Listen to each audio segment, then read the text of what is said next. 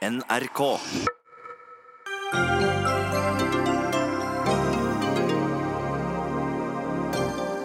Regjeringen stemte ned Arbeiderpartiet og SVs forslag om å etablere CO2-fond for næringstransport. Vi er utålmodige, sier Arbeiderpartiet. Ja, men vi er alt i gang med tiltak, svarer Høyre.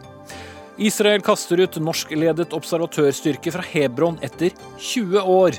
Dermed forsvinner en viktig del av Oslo-avtalen, sier Norges utenriksminister. Men kan Norge egentlig gjøre noe med det? Det er kamp om presidentvervet i Norges største medlemsorganisasjon. Sittende idrettspresident Tom Tvedt stiller gjerne til gjenvalg, men mange vil erstatte ham.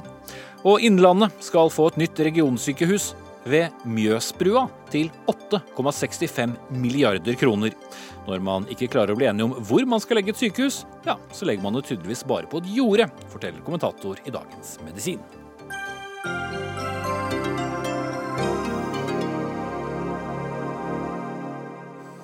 Riktig god torsdagskveld og velkommen til Dagsnytt 18 med Espen Aas. Og Senere i sendingen skal vi snakke om utfordringene kommunene har med dyre vedlikehold av kirkebygg. Men vi skal starte med hjemlig politikk og klimautslipp. For i dag debatterte Stortinget bl.a. 37 tiltak for kutt i klimautslipp, etter forslag fra Arbeiderpartiet og SV. Et av forslagene var å etablere et CO2-fond for næringstransport for å få ned utslippene fra transportsektoren. For dersom bedriftene i stedet får CO2-avgift til staten, betaler tilsvarende medlemsavgift til et slikt fond, kan pengene brukes til tiltak som gir lavere utslipp fra næringstransport på sikt. Dette har vært et ønske fra så vel næringsorganisasjonene i næringsrapporten som miljøorganisasjoner og store aktører som LO og NHO. Men Stefan Heggelund fra Høyre, dere stemte det likevel ned. Hvorfor? Ja, Det var fordi det var ikke et så veldig godt forslag. Altså I forslaget så sto det at man Det ene var at man skulle fremforhandle et CO2-fond, og det er jo litt smør på flesk, for det, vi er i forhandlinger om et CO2-fond. Mens andre del av forslaget det var at det skulle være etter en helt spesiell modell.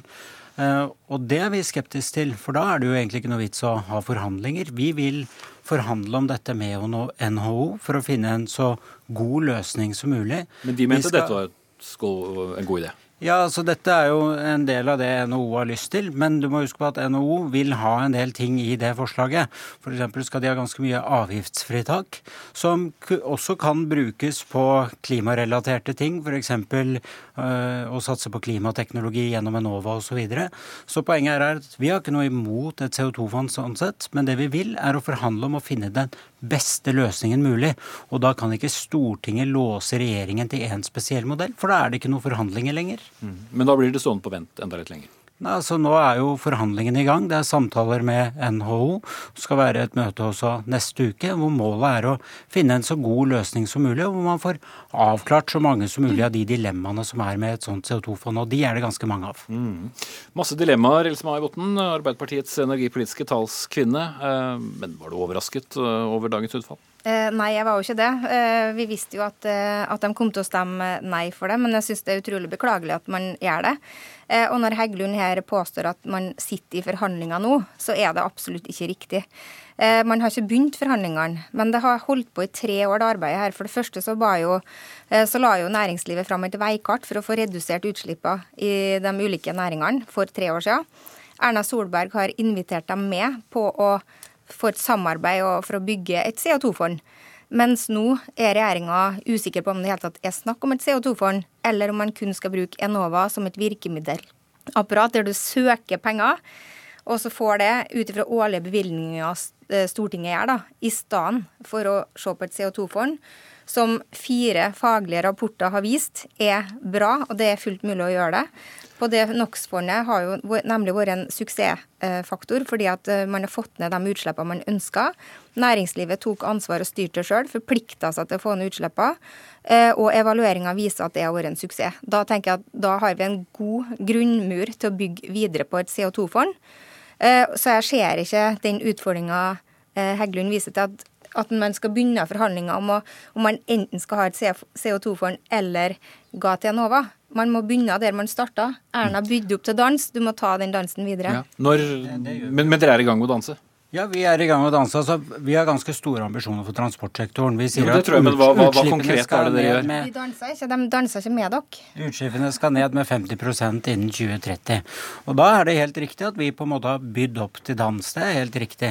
Og så er vi opptatt av at vi må finne den beste løsningen. Et dilemma i disse forhandlingene for eksempel, da, det er at et sånt CO2-fond etter den modellen som Arbeiderpartiet sier at regjeringen må gå for, det er at eh, forurenser ikke vil betale. Og det er jo et veldig viktig prinsipp. Eh, det er jo derfor vi gjør det dyrere å forurense hvert eneste år med den regjeringen som sitter nå. Nettopp fordi at forurenser skal betale. Jo mer klimavennlig du er, jo mindre skal du betale i skatt. Det er feil. Mens det CO2-fondet, det vil jo da være slik at uh, den bedriften som gjør veldig mye bra på klimaområdet og får utslippene sine ned, vil betale akkurat det samme som en bedrift som ikke lykkes i, i klimaomstillingen sin og har, fortsatt har store utslipp.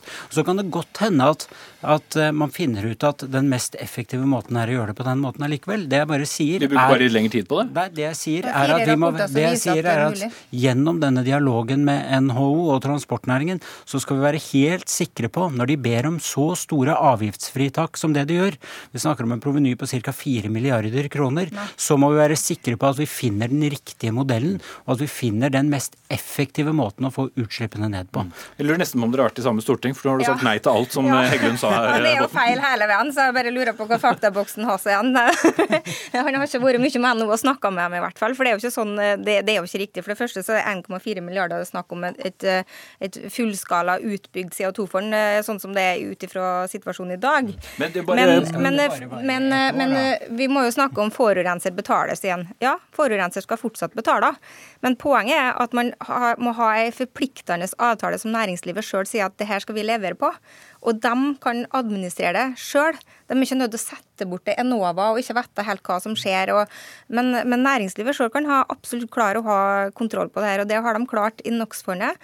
Så jeg har tiltro til næringslivet. Og når han igjen sitter og sier at det er forhandlinger, nei, forhandlingene har ikke starta. Og NHO lurer på om de helt tatt er interessert i å være forhandlinger. For at man starta i en spagat som ikke var premissleveransen. Men, men, hvis vi prøver bare å være konkrete, for jeg, jeg har da lest meg opp på dette i dag. ja, det har ikke uh, de som sitter og hører på. Så hvis du kort forklarer da, uh, Botten, hva, hva, er det konkret, så, så, konkret du kan? Og hva er, hva er gevinsten først og fremst for miljøet og oss, da, og ja. det å komme frem til målet i, i 2030. Og så kan Heggelund eventuelt uh, ja. korrigere eller fortelle sin versjon. Ja, altså Ambisjonen her er å få ned utslippene i forhold til næringstransporten, altså lastebiler og varebiler. Vi har klart det med elbilsatsinga. Nå har vi økt eh, innkjøpet av elbil, og det samme er det man ønsker å få gjort i forhold til næringstransporten. Det, det er der man, eh, altså To tredjedeler av utslippene ligger i dag, og det er et stort potensial å hente. Og så er det sånn at det her fondet skal rigges på samme lesten som NOx-fondet, som jeg sa i stad, som har vært en suksess. Og da er det sånn at i dag så betaler man en eh, CO2 avgift for det drivstoffet man kjøper. Mm, som går til staten? Ja, som går til staten. Rett i statskassa. Og så det, kommer det inn i den store potten, som han da skal bruke til skattelettelse igjen til næringslivet. Eh, som næringslivet sjøl sier at nei, akkurat den potten her, den er mye bedre at vi konkretiserer at vi skal få ned eh, få redusert utslippene. Og det er det vi ønsker. Så du mener at veien blir litt kortere ved at uh, pengene går direkte i ja, fondet, og så lager man tiltak? Ja, man forplikter seg, og så styrer man det sjøl, og så leverer man, og så får man de klimaresultatene som vi ønsker. Alternativet er, er vi har ikke tida til alternativ, for vi er nødt til å få det her på plass. Nå har vi brukt tre år. Mm, det, det, var vi innom. Men, ja. men, men, men Heggelund, det, men det blir da en ny utredning? Eh, har vi Nei, Det er ikke en ny utredning. Dette er dialog og forhandlinger som pågår med NHO. Og de har ikke pågått i tre år, sånn som Botten sier her. Kanskje forhandlingene, de har ikke begynt. Det er et møte altså, Det er jo et møte neste uke mm. mellom departementet og NHO. Og da skal man diskutere de ulike modellene og hva som er best. Og så, og så er jo målet da å komme frem til løsning. Men du nevnte elbiler. Ja, Elbilsatsingen til regjeringen har jo fungert. med hatt noe elbilfond. Og det viser at det er ikke sikkert at et fond er den beste løsningen. Det kan være andre insentiver det går an å bruke, som gjør at man får den omstillingen man trenger for at utslippene i transportsektoren skal ned. Og det jeg, det, altså, men jeg sier, jeg er ikke mot et CO2-fond. Jeg bare sier jeg vil ha den beste modellen. Men når vet du om finne. du har den? Og når kan man da sette det i gang? Det må vel være en Ja, det, det er jo absolutt et mål mål at disse forhandlingene skal gå så fort som mulig. Men jeg, men, men, eh, men jeg år, tror det. Nei, men jeg tror det er litt viktig å huske på at som sagt, det er ganske mange vanskelige avklaringer som gjøres. Det er store avgiftsfritak man ber om. Uh, og så er det jo sånn, hva skal inngå i et CO2-fond? Skal f.eks. biodrivstoff inngå i et CO2-fond for næringstransporten? Det er ikke sikkert det er så fornuftig med tanke på du... den offensive politikken vi har på biodrivstoff allerede. Så men det er en del sånne avklaringer som må gjøres. Det, det skjønner jeg, men bare helt skjønt, når hva er det da realistisk å kunne komme med en konklusjon? Konklusjonen bør komme så fort som mulig, det tror jeg vi alle er enige om. Men vi må vite at vi velger den beste modellen, og derfor er det så rart at Arbeiderpartiet har låst seg til akkurat én modell. Vi er ikke låst, vi er konstruktive. Vi, er, vi har funnet en god løsning, eh, og vi jobber mye med det her. Det som, som, ble, ja, som ble nedstemt i dag. Ja, og det forhandlingene burde dreid seg om, er hvilken innretninga på det fondet og avgiftsfritaket. Okay, vi skal ikke restarte den. Jeg skal heller takke dere pent av Stefan Heggelund fra Høyre og Else Mai Botten fra Arbeiderpartiet. Dagsnytt 18 alle hverdager kl 18.00 på NRK P2 og NRK2.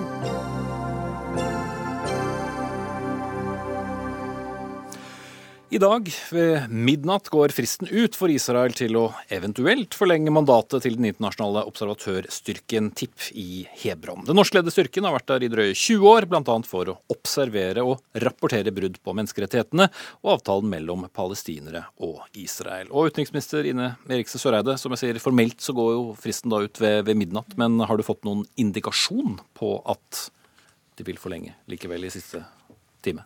Nei, det har vi ikke. Vi var sammen med de andre fire landene som deltar i styrken, som er eh, Sverige, Italia, Sveits og Tyrkia, i israelsk UD i går og fikk den formelle beskjeden om at israelerne ønsker å avslutte. Det mener vi er sterkt beklagelig, og det har vi også gitt eh, klart uttrykk for til eh, israelsk UD og israelske myndigheter.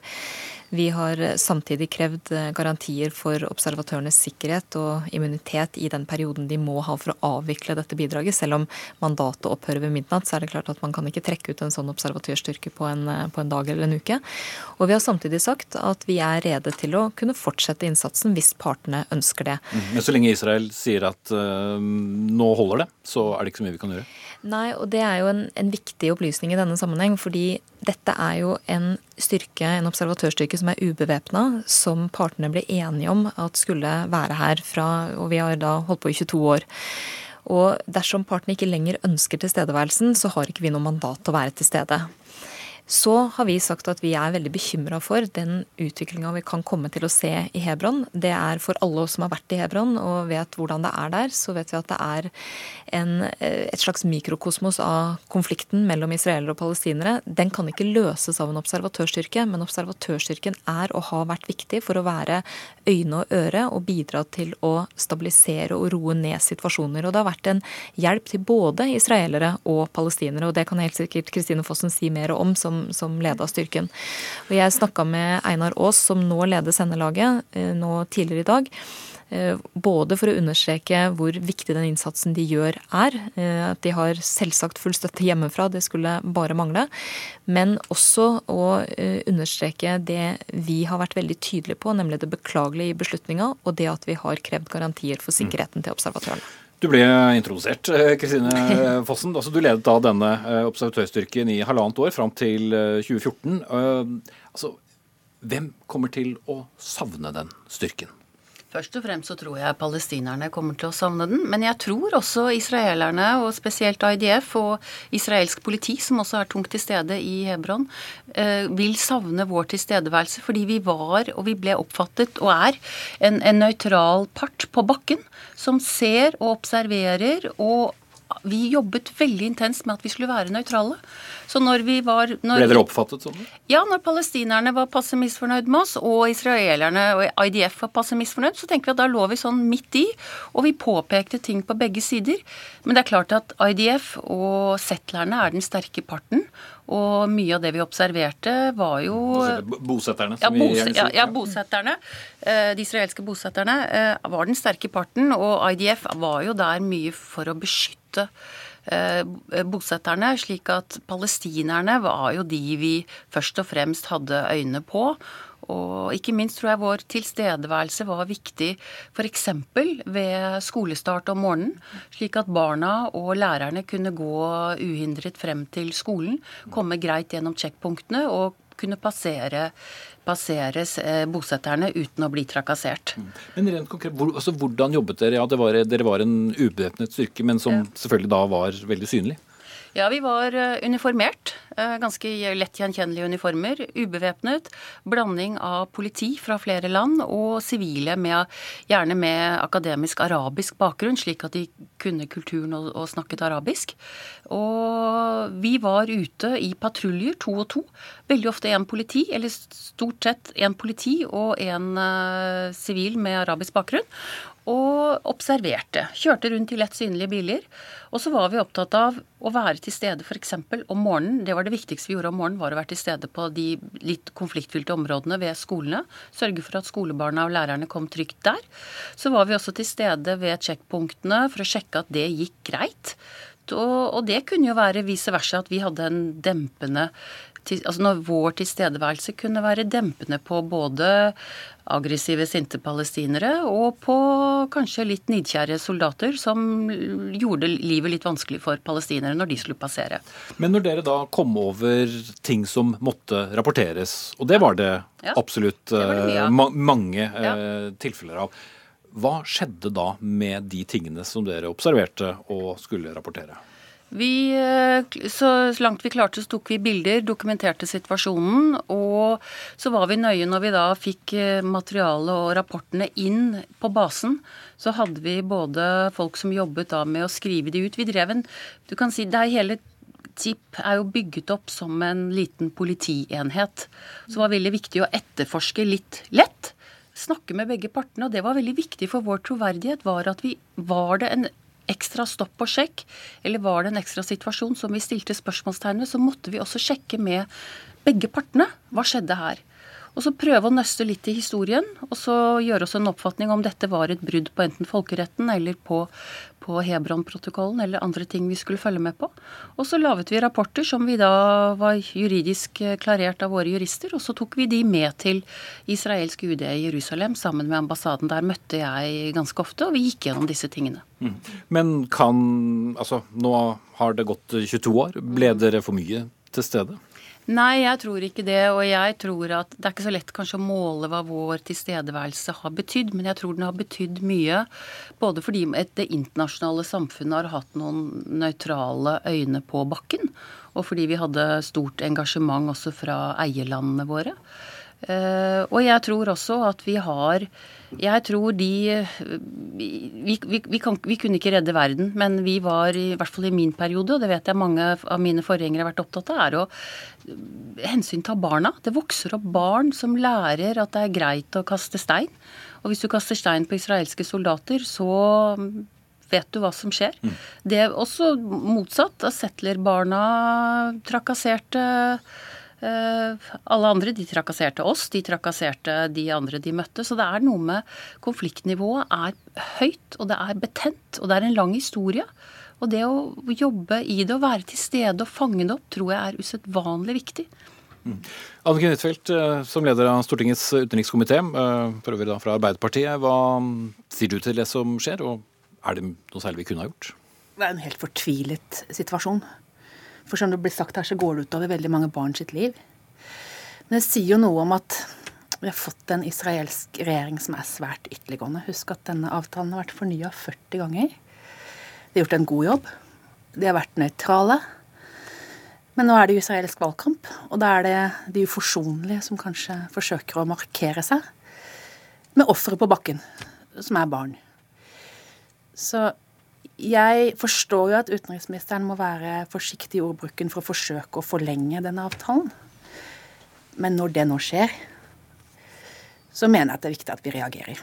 Og det er riktig som utenriksministeren sier, at vi er der på invitasjon. Men det er klart at når en så viktig del av Oslo-avtalen, som faktisk har fungert, også faller sammen, så er det viktig at vi fra norsk side sier fra. Det har jo også jeg vært kritisk til deler av det som heter Granavolden-erklæringen. For disse signalene kom jo mens de satt på Granavolden og forhandla. Så kommer det da denne erklæringen hvor Israel i denne erklæringen gis en, en helt spesiell stilling og fremheves som et land man skal øke samarbeidet med på alle mulige mm. områder. Og i den konteksten så mener jeg det ble ganske feil. Men det har ikke noe direkte med dette å gjøre? Jeg mener at det er veldig viktig hva slags ord man bruker i Midtøsten. Eh, For ord er viktige.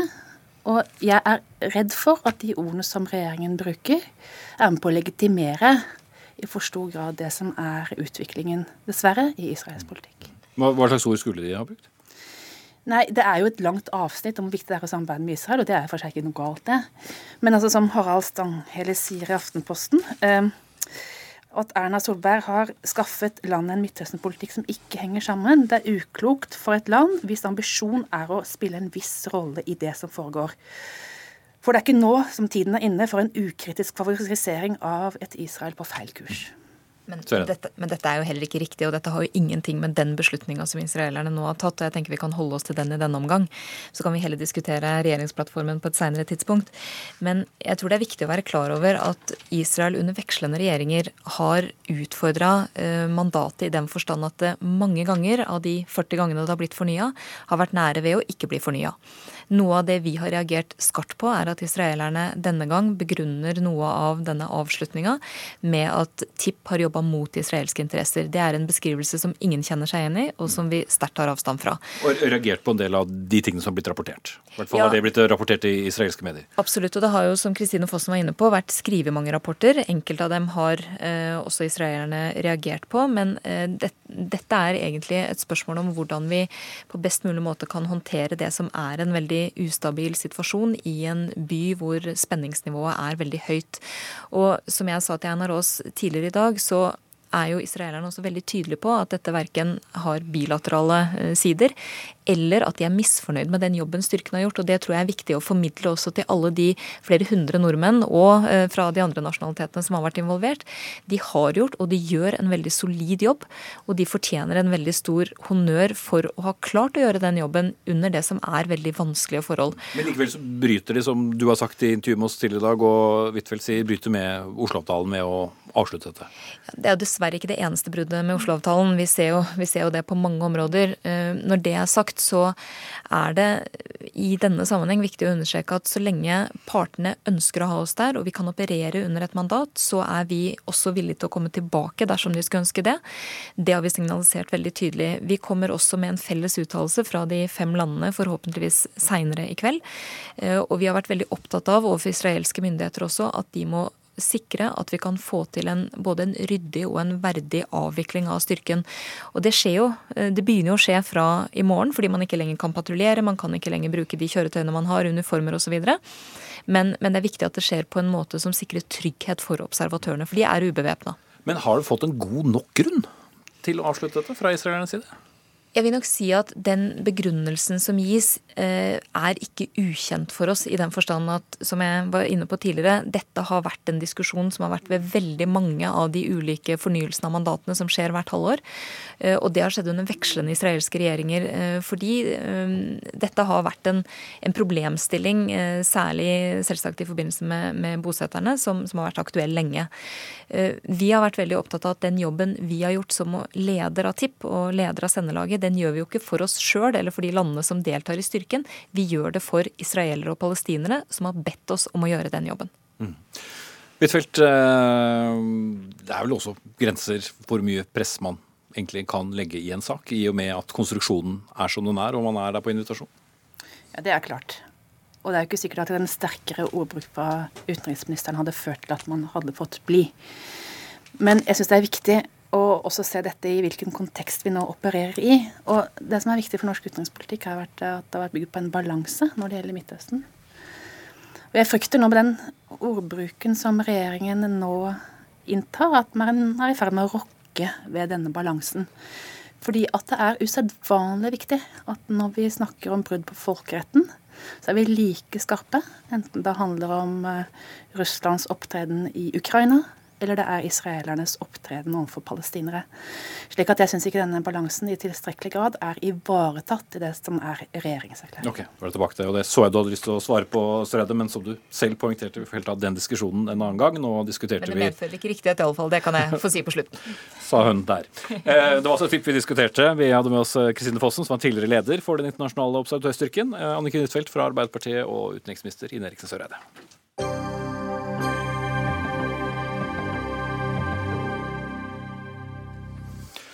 Vi skal eh, hjem igjen, men eh, la det være sagt at det kan eh, gå hardt for seg hjemme også når det skal snakkes om hvor sykehus skal lokaliseres.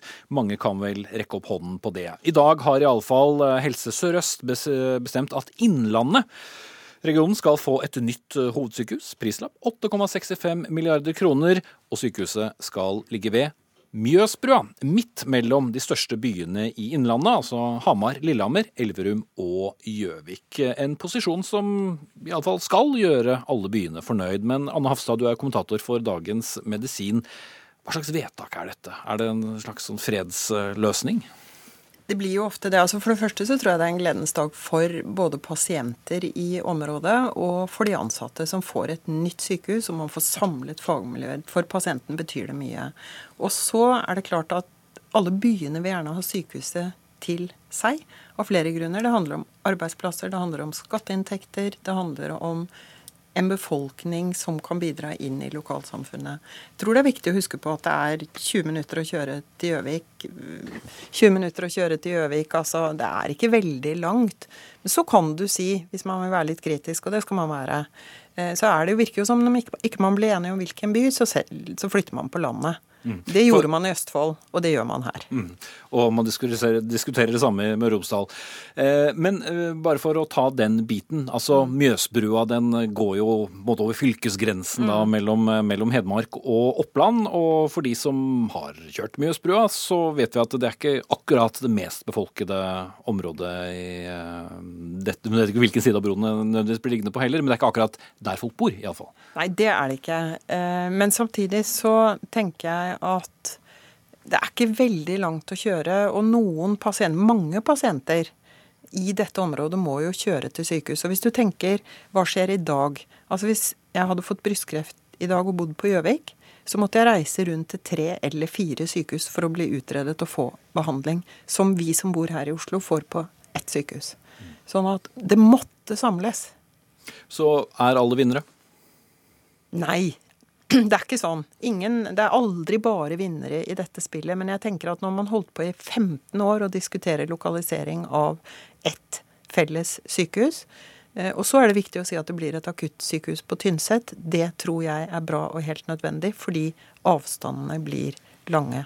Men man har holdt på i 15 år. I dag har man fått en beslutning. Og så får man begynne å diskutere innhold og hvilke Hamar sykehus blir lagt ned. Eh, hvor det skal være et akuttsykehus til. Hvor det blir, vet man ikke ennå. Mm. Even eh, Alexander Hagen, du er fylkesordfører i eh, Oppland. Du er fornøyd i dag? Ja, det er fordi at dette er en viktig milepæl for Innlandet. Og oss vet jo det at Hvis en ikke gjør noe med dagens sykehusstruktur, så vil sykehusene våre forvitre. Og oss aksepterer jo ikke et dårligere tilbud i denne delen av landet enn det som er i resten av Norge. Så Derfor er jeg glad for at både pasientorganisasjoner, brukerombudet, næringslivet og to fylkesting og de fleste folkevalgte i Innlandet har blitt støtta i denne saken. Mm. Og så ser det ut som eh, Lillehammer eh, får beholde det gamle sykehuset? Dette er jo en debatt som kommer. Det som jeg vet i dag, er jo at det blir et Mjøssykehus eh, ved Mjøsbrua, og det har vært viktig for oss. Og så kommer det jo en debatt om eh, hvordan det øvrige sykehustilbudet i Innlandet skal være. Men nå får en i hvert fall samla, slik at eh, hvis det feller deg noe, så vet du hvor du skal over, og at det ikke er slik at du blir sendt i flere retninger, for da er oddsen dårlig. Mm. Men eh, Einar eh, Busterud, du er eh, ordfører på Hamar, tilhører by- og bygdelista. Du advarte mot et bikkjeslagsmål i Hamar Arbeiderblad tidligere i dag. Hvordan da? Ja, for det at det som politikere som har sittet i denne gruppa har vært enige om, er ett stort sykehus. Og nå ender det opp med tre sykehus. Det skal være ett elektivt på Gjøvik. Så skal det være et nytt et ved Mjøsbrua, og så skal det være et tredje. Og Det blir da enten Lillehammer eller Elverum, sånn som det ser ut nå. Og da begynner jo bikkjeslagsmålet, så klart. Skal det være Elverum, eller skal det være Lillehammer? Og det du risikerer, er at i et fylke som er like stort eller større enn Danmark, så får du nå tre sykehus på 45 km avstand, og så får du ingen sykehus mellom Mjøsbrua og svenskegrensa.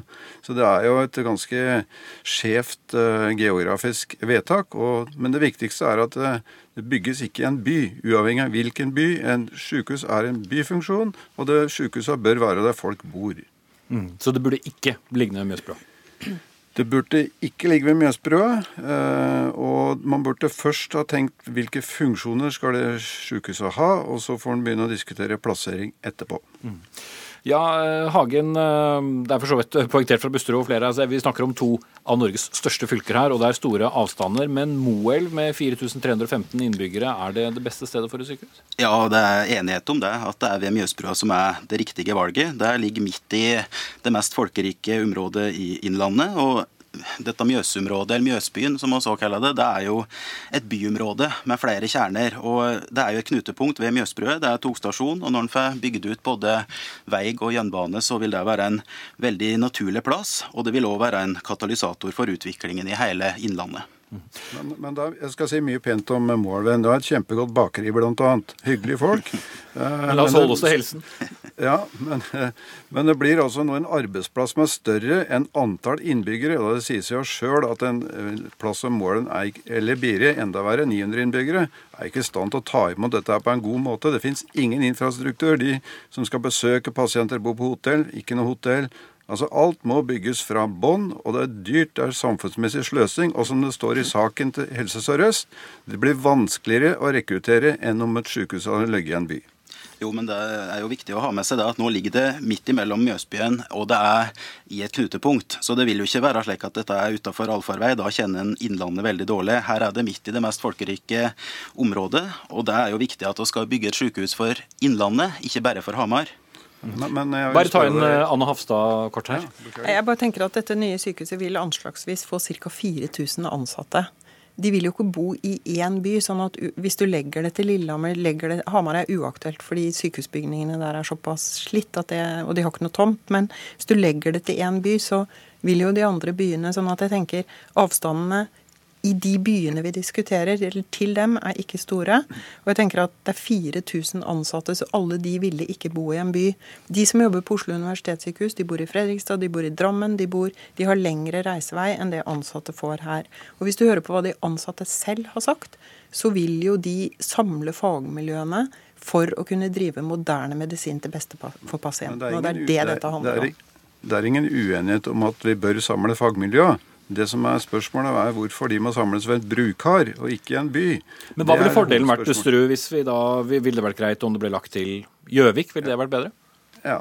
Eh, For å ta Hamar, som jeg kjenner tallene på, da, så er det 35 000 som vil bo innenfor gang- og sykkelavstand til et sykehus, mens det er 4000 i Moelven, 900 på Biri. Eh, Det blir mer kjøring, mer forurensning, det er ingen infrastruktur rundt det. Eh, I hele tatt en dårligere løsning for miljø, rekruttering, kompetansemiljøer. Eh, Det finnes ikke noe universitet eller noe sånt som kan understøtte virk virksomheten der. Sånn at det er en dårlig løsning, og det er en løsning som er tatt sånn at alle skal være litt misfornøyd. Men eh, bak til deg, Hagen. altså I 2017 så kunne vi se ordførerne i eh, alle de store byene stå sammen mot et sykehus utenfor eh, byene. Hva er det for en slags eh, prosess eh, som har gjort at dette nå har endret seg? Nei, Jeg opplever at det er stor tilslutning til det som nå er retningen. At en skal ha ett Mjøssykehus, og at en samler de akutte Men det har ikke vært sånn hele veien? Nei, altså dette har vært en debatt, og det, denne saken er jo mange mange år på overtid. Så jeg er glad for at vi nå kommer videre. Og jeg tror at folk og pasienter og eh, ansatte i sykehuset hos oss er lei av stadige omkamper, lei av utsettelser og ikke minst lei av krangling mellom eh, Mjøsbyen. Derfor så er vi veldig glad for at det nå blir fattet et vedtak, slik at vi kommer oss videre med prosessen. Det, er, det som er så synd, er at det da blir et dårlig vedtak. Men jeg vil stille et spørsmål til Hagen. og Det er Nå risikerer vi altså å få tre sykehus på 45 km. Vil du nå gå inn for nedleggelse av Lillehammer og opprettholdelse av Elverum, sånn at du får en geografisk spredning? Men nå forskutterer jo du den neste debatten som kommer. fordi at Det som har vært viktig fram til nå, er å få et vedtak om at vi skal få Mjøssykehuset ved Mjøsbrua. Det er vi veldig glad for at vi har fått. og Så skal vi ta de diskusjonene videre. Både så at vi får på plass luftambulansebase ved det nye hovedsykehuset, at vi får gode desentrale tjenester ved de lokalmedisinske sentrene. Og så skal vi finne ut hva som skal være igjen i de sykehusbyggene som oss har. Mm. Men Busterud, ligger det et lite element her av at uh, du ikke går rundt og føler deg som en innlending, men uh, snarere ordfører i Hamar? Så at Nei, geografien har, eh, spiller også inn en del her, på, på hvilken side av broen kanskje også? Altså Punkt én, da. Vi har jo en sykehustomt, men vi har aldri fått lov å vise den, for vi ble utelukka i utgangspunktet. Så Hamar har aldri vurdert, og som Ane Enger, styreleder i Sykehuset Innlandet, sier, Hamar er Oslo-region, så det er utelukket. Uh, men uh, jeg mener faktisk det er bedre at sykehuset hadde havnet i en by, uavhengig om det er Hamar, Gjøvik eller en annen sted, enn at det ligger midt imellom. Okay. Uh, det, ja, da har vi punktert det. Jeg takker dere to av nå, Even Alexander Hagen og Einar Busterud. For jeg vil ta med en ting til med deg, Anne Hafstad, som, som følger alle disse og jeg sier alle disse, fordi det er ikke bare i Hedmark og Oppland som det diskuteres eh, sykehus, som vi har vært inne på. For i samme styremøte, eh, for dette er jo da hele Helse Sør-Øst, så ble det også bestemt at det skal bygges nye sykehus på Aker og på Gaustad i Oslo. Eh, altså hvor Aker sykehus og hvor Rikshospitalet ligger i dag. Men så blir det samtidig sagt at det skal belyses en utbygging av dagens Ullevål tomt. Eh, betyr det at det skal fortsette å strides om lokaliserings av hovedsykehuset i hovedstaden også, eller hva er det egentlig som skjer? Det det betyr, er at det er full enighet om at det skal være et lokalsykehus på Aker for befolkningen i Oslo øst. Det er det enighet om. Så har jo på en måte diskusjonen gått veldig Gaustad versus Ullevål.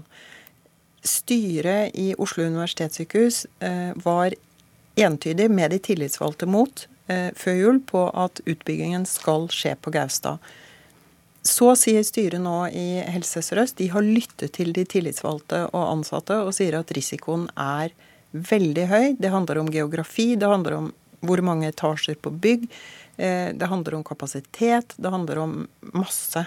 De sier at risikoen er så høy at vi er nødt til å ha en god plan B. Derfor åpner de døren på gløtt for Ullevålsalternativet. Det var mye diskusjon i styremøtet på Hamar i dag. Hva innebærer Fordi det Katrine Lofthus, altså administrerende direktør, hadde skrevet, var akkurat som du sier, belyse. Hva betyr det?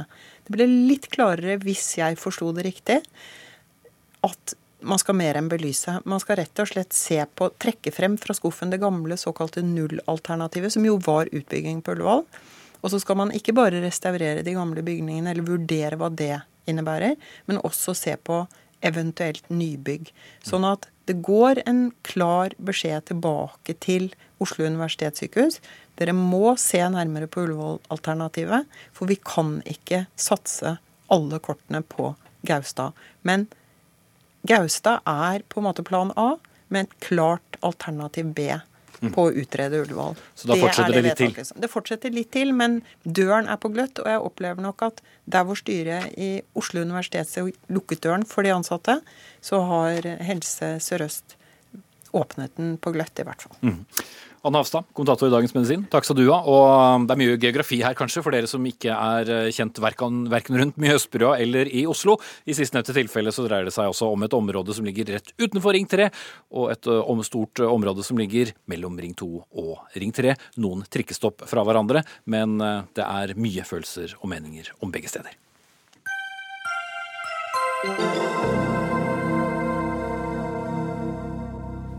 Og følelser det kan det fort bli når man skal eh, snakke om Idretts-Norge også. For i slutten av mai måned så skal Idretts-Norge ta et veldig viktig valg. Da bestemmer Idrettstinget hvem som skal styre Norges idrettsforbund og 1,9 millioner medlemmer de neste fire årene.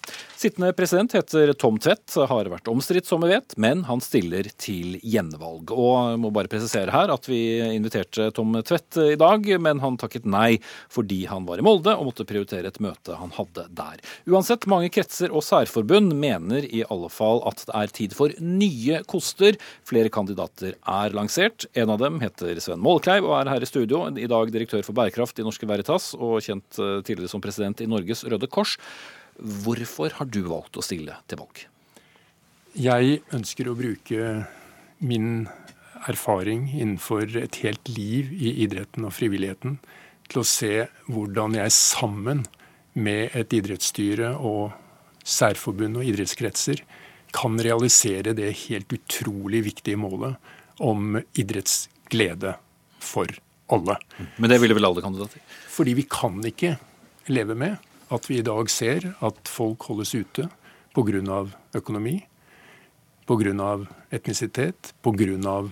andre forhold. Vi er nødt for å styrke klubbene. Få strømmen av ressurser til klubbene, slik at det er trygge og gode oppvekstvilkår med kvalitet, og hvor kvalifikasjonene på de som tilrettelegger for barn og unge, blir like viktig for å hindre frafall som de det er for de som utvikler eh, toppidrett. Mm.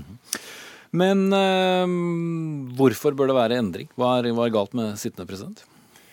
Jeg eh, stiller meg til disposisjon for å prøve å se hvordan vi sammen kan greie å skape en åpen, inkluderende kultur som videreutvikler den eh, veldig viktige norske idrettsmodellen, som bygger på klubbenes sterke eksistens, som ivaretar verdiene, og som nettopp trenger nå å invitere til et mer utvidet og aktivt samspill med myndigheter, med næringsliv, med sivilsamfunn for å realisere dette målet. Og da må du ha en eh, åpen skifte. kultur. Du må ha en kultur hvor vi i fellesskap kan uh, hente ut uh, det beste og sikre at man når disse målene. Mm. Tom Tvedt er altså ikke her, men er ikke nettopp uh, utfordringen rundt åpenhet han har tatt til orde for nå? Ja, vi ser at det å bygge en reelt åpen kultur er helt avgjørende. Vi må tørre å snakke om de problemene man har hatt. Man må tørre å snakke om tillit, og det må man gjøre seg fortjent til hver dag. Vi må tørre å snakke om dilemmaer på en sånn måte at vi får i gang en reell debatt, slik at vi kan gjøre noe med det. Og vi må invitere til et aktivt, positivt samspill med myndigheter som kan styrke rammevilkårene for idretten og frivilligheten, slik at flere kan aktivt ta del, kan leve et godt liv og okay. føle at de hører til. Da skal vi vende oss til eh, Bodø. og Kåre Geir Lio, du er president i Norges eh, håndballforbund. Det var ditt forbund som i sin tid lanserte Tom Tvedt da han ble valgt for eh, fire år siden. Nå vil dere ha et skifte. Hvorfor? Nå er det slik at vi har veldig lyst til å gi honnør til Tom. og til jo da, men hvis vi går rett på spørsmålet. Perioden. Ja, men jeg, jeg, har lyst til å si det først, at vi har veldig mye godt å si om måten eh, Tom har eh, gjort ting på i, i norsk idrett. Ok, Men, men det går likevel ikke for Ingvold? I styret i Håndballforbundet I Håndballforbundet så erkjenner vi at han ikke har det politiske grunnlaget som er nødvendig for eh, å få en ny periode i, som leder i norsk idrett. Og da hadde vi lyst til å eh, ta inn en ny, eh, god kandidat som jeg tror kan være en høvelig leder i den situasjonen norsk idrett befinner seg i nå. Mm. Og Det er eh, Berit Kjøll, bl.a. tidligere direktør for Flytoget og, og, styreleder i Norske Turistforening, som også ble invitert hit i dag, men, men kunne ikke. Hvorfor er det riktig valg? Nei, men jeg tror hun har både lang og veldig brei erfaring fra å styre arbeidet, både som styreleder og som styremedlem i ulike selskap eh, i ulike deler av samfunns- og næringslivet. Hun har en, en veldig Hun er jo visa at hun har ferdigheter og handlekraft i krevende situasjoner. Hun har vært flink til å lage gode lag rundt seg. Og hun viser både handlekraft og praktisk entusiasme i, i møte med de utfordringene hun står i. Ikke minst ser vi at hun har vært veldig klok og veldig flink i, når det er strevsomt og, og, det kommer motgang. Og det kan være godt å ta med seg. Mm.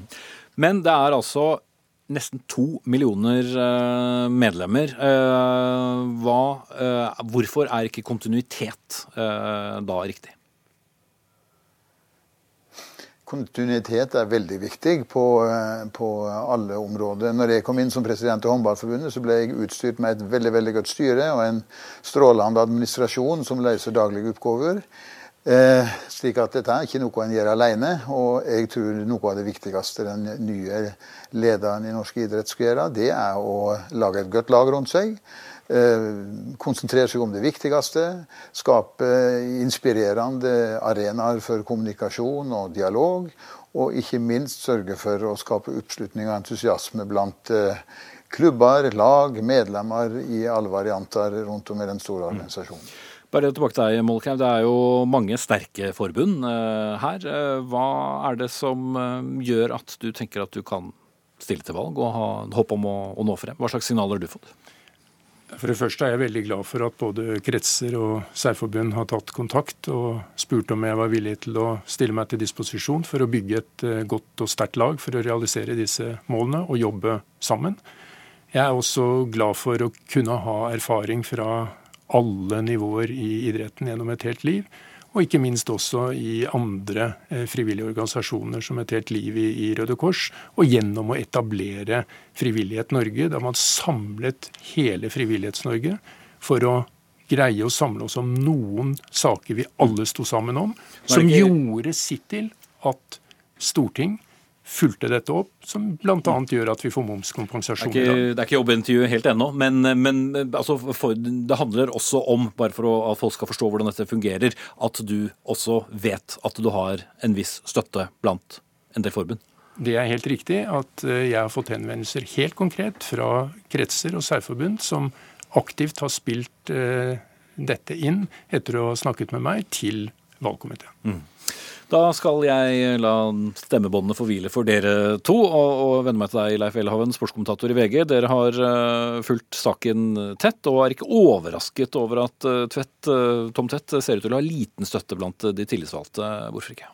Altså det har vært en periode preget av veldig mye turbulens, hvor helt sentrale spørsmål rundt kultur, debatt, form, åpenhet, hvordan denne organisasjonen blir drevet, er blitt problematisert, og hvor sittende president altså dessverre har fremstått veldig reaktiv i stedet for proaktiv, og hvor de helt nødvendige endringene som omsider kom på plass. Altså, tok fryktelig lang tid, og hvor milepælene vel, altså Dessverre så skjedde mer på tross av enn på grunn av sittende president. Det har også vært et problem hvor altså, kommunikasjonsvansker i det offentlige rom har vært en gjenganger. og denne jobben som idrettspresident er så krevende at du må også evne å besvare spørsmålene tydelig når utfordringene er eh, vanskelige,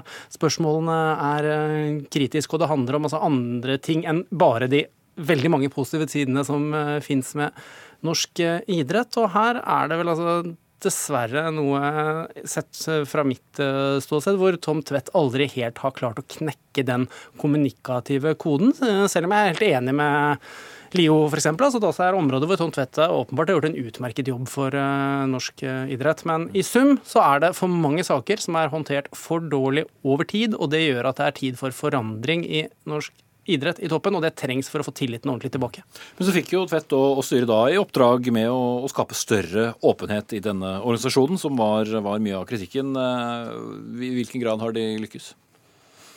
Det bildet er litt uh, sammensatt. Altså, når det gjelder økonomi og bilag, så har vi jo nå omsider fått igjennom at det er uh, transparent i regnskapene. Etter en veldig treg start, så ser vi at en tydeligere kommunikasjonsform nå når det gjelder de krevende internasjonale spørsmålene hva gjelder antidoping. Der jeg føler at det sånn sett er et eh, stykke igjen, er på selve debattkulturen. Takhøyden, viljen og evnen til å utfordre hverandre. Det er f.eks. altfor lite ordskifte i det offentlige rom knyttet til idrettspolitiske spørsmål. Og det er viktig å huske på at dette er et representativt demokrati, hvor altså idrettslederne har en tillit på vegne av sine medlemmer. Og da er det viktig at denne altså, valgkampen, at folk får vite hvem er kandidatene, hva vil de, og hvorfor vil de, og at vil de det de vil. Og at det i mindre grad blir altså, prosesser som foregår i, i lukkede rom og interne sirkler. Fordi idretten er så felles at da må vi også løfte ordskiftet ut, så alle kan høre det. Mm. Og øh, folk flest er vel kanskje aller mest opptatt av kanskje sitt, øh, både sitt lokale lag og de store, store stjernene. Men uh, dette er et veldig, veldig viktig og tungt verv, og det kan bli kanskje en ganske spennende valgkamp å se. Ja, Det er interessant, og vi fikk jo nå da seks eh, kandidater. Så jeg håper jo nå at vi virkelig kan få en ordentlig valgkamp de neste eh, månedene. Og at alle kandidatene, inkludert Tom eh, Tvedt, altså benytter anledningen til å snakke også til det brede lag av folket om hvorfor de mener at de er rett kandidat til å lede NIF de neste fire årene. Mm. Sånn mellom deg og meg, hvem tror du ligger best an? Altså, Akkurat eh, for øyeblikket så vil vel jeg anta at min eh, sidemann her er, må kunne regnes som en eh, favoritt ut fra den innsikten vi har i organisasjonen. Men det er en stor og mangefasettert organisasjon som er uforutsigbar, så her skal ingenting, si, ingenting skal sies sikkert før vi har kommet til slutten av mai og faktisk får svaret. Mm. Frem til påske skal valgkomiteen i Norges idrettsforbund ha samtaler med 40 kandidater til alle verv i idrettsstyret. Det er nesten en idrettsprestasjon i seg selv. Takk skal dere ha alle tre. Sven Mollkleiv, Leif Welhaven og Kåre Geir Lio. Hør Dagsnytt 18 når du vil. Radio NRK Radio.nrk.no.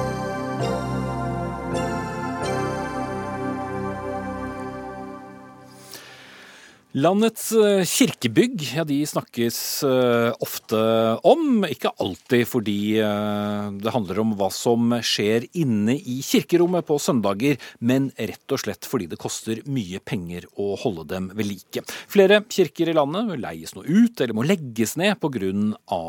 økonomien. Løsningen er en utvidet bruk av kirkerommet, mener arbeidsgiverorganisasjonen for kirkelige virksomheter. I Nordkapp har menighetsrådet sett seg nødt til å stenge fire av kirkene sine på dagtid. De ligger i Honningsvåg, Skarsvåg, Repvåg og Gjesvær, og nå er det fare for at de kan stenges på heltid. Eller hvordan ligger det an etter eh, møtet i menighetsrådet i Nordkapp i dag? Kristine Hansen, du er eh, ordfører i Nordkapp. Ja, nei, Vi har jo hatt dialog med menigheter etter at de gjorde vedtak om å stenge kirkene. Det er selvfølgelig reaksjoner her. og og eh, det er ingen som ønsker at kirkene skal være stengt. Nå har menighetsrådet i hvert fall utsatt stengings... stengings eh, eh, altså De skal utsette stenginga med en eh, måneds tid. Så vi skal benytte den måneden godt til å være i dialog med menighetsrådet. For som sagt så er kirka viktig for folk. Eh, og vi ønsker at eh, kirkene skal være åpne i Noka kommune. Mm.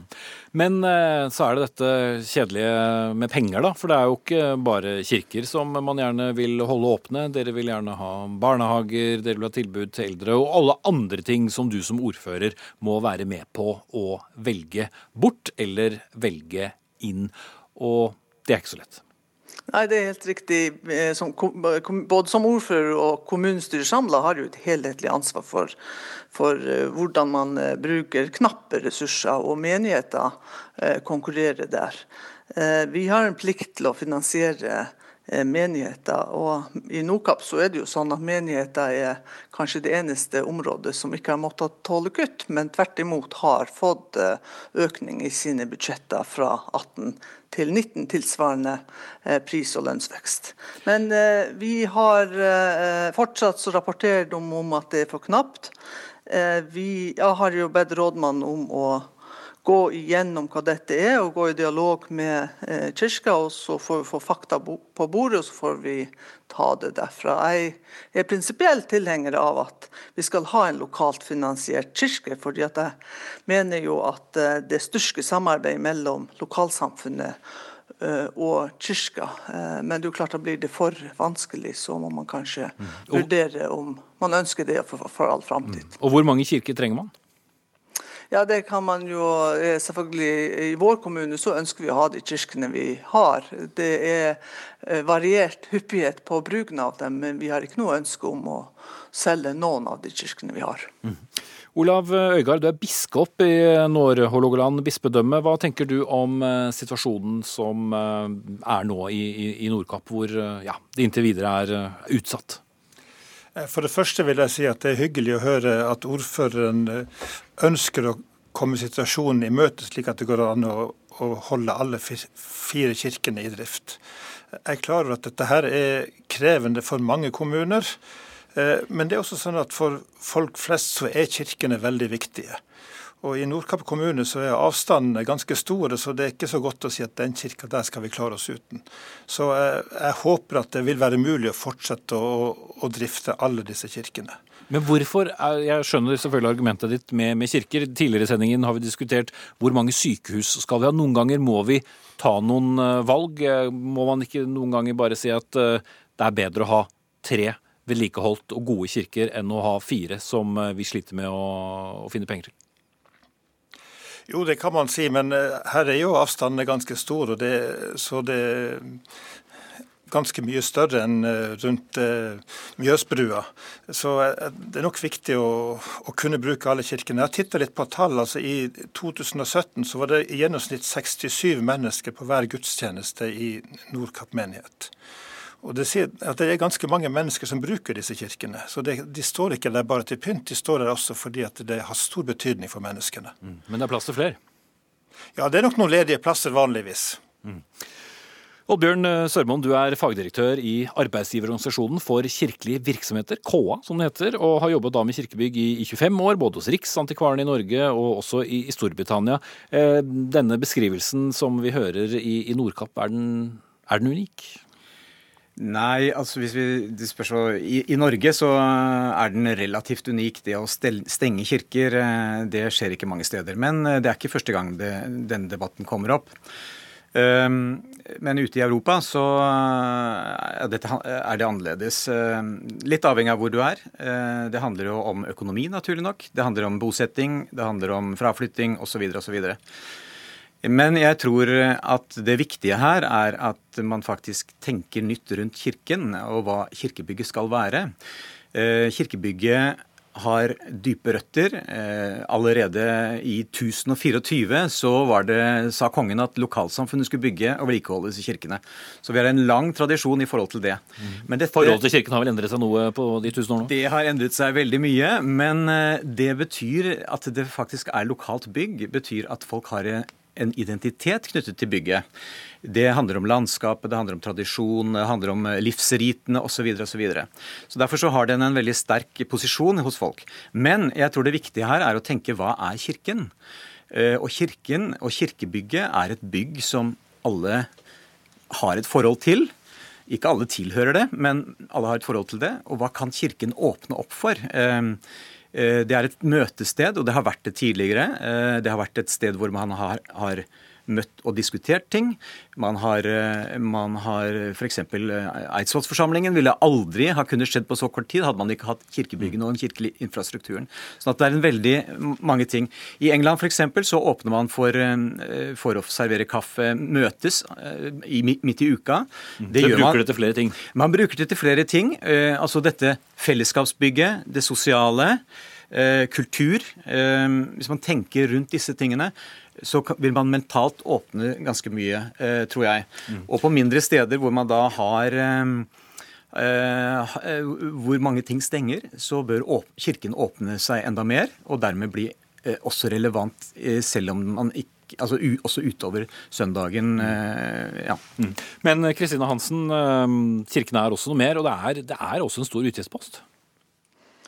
Eh, ja, altså vi, vi, bevilger jo penger til eh, kirka, vi, men vi forutsetter jo at menighetsrådet holder kirken åpen. Nå har altså menighetsrådet her eh, bestemt seg for å, å, stenge fordi de ikke har råd å holde åpent. og Da får vi gå gjennom økonomien. Men vi ser jo at vi eh, ligger over gjennomsnittet i Finnmark når det gjelder bevilgning til til kirkelige formål i Nordkapp kommune. Mm. Men vi skal se på Eh, hva som ligger bak her. Og komme i dialog med menigheten, selvfølgelig. Eh, Olav Øygard, til slutt. Eh, som biskop, er Kirken flinke nok til å tenke nytt for å eh, på en måte bevise eh, hvorfor lokale kirkebygg er viktig å beholde? Jeg tror Oddbjørn Sørmoen har veldig rett i at kirkene kan brukes mye mer kreativt enn de gjør i dag. Det skjer mye, det drikkes mye kaffe rundt omkring i kirkene, ikke bare på søndag. Det er ulike kulturarrangement, og jeg ser konserter virk, og kulturarrangement i kirken generelt er en virksomhet som er i vekst eh, all over, også i vårt bispedømme. Mm. Og Det kan vi gjøre mer av, å bruke det mer som, eh, som bygdehus, f.eks. i Nordkapp og mange andre plasser. Det har jeg god tro på. Mm. Kirken er et gammelt hus, det er det ingen eh, tvil om. Takk skal eh, dere ha. Kristine Hansen, ordfører i Nordkapp, Olav Øygard, biskop i Nord-Hålogaland, og eh, Oddbjørn Sørmoen fra KA. Dagsnytt 18 er ved veis ende. Jarand Ree Mikkelsen hadde ansvaret for den. Eli Kyrkjebø tok seg av teknikken. Her i studio, Espen Aas. Vi ses og høres i morgen.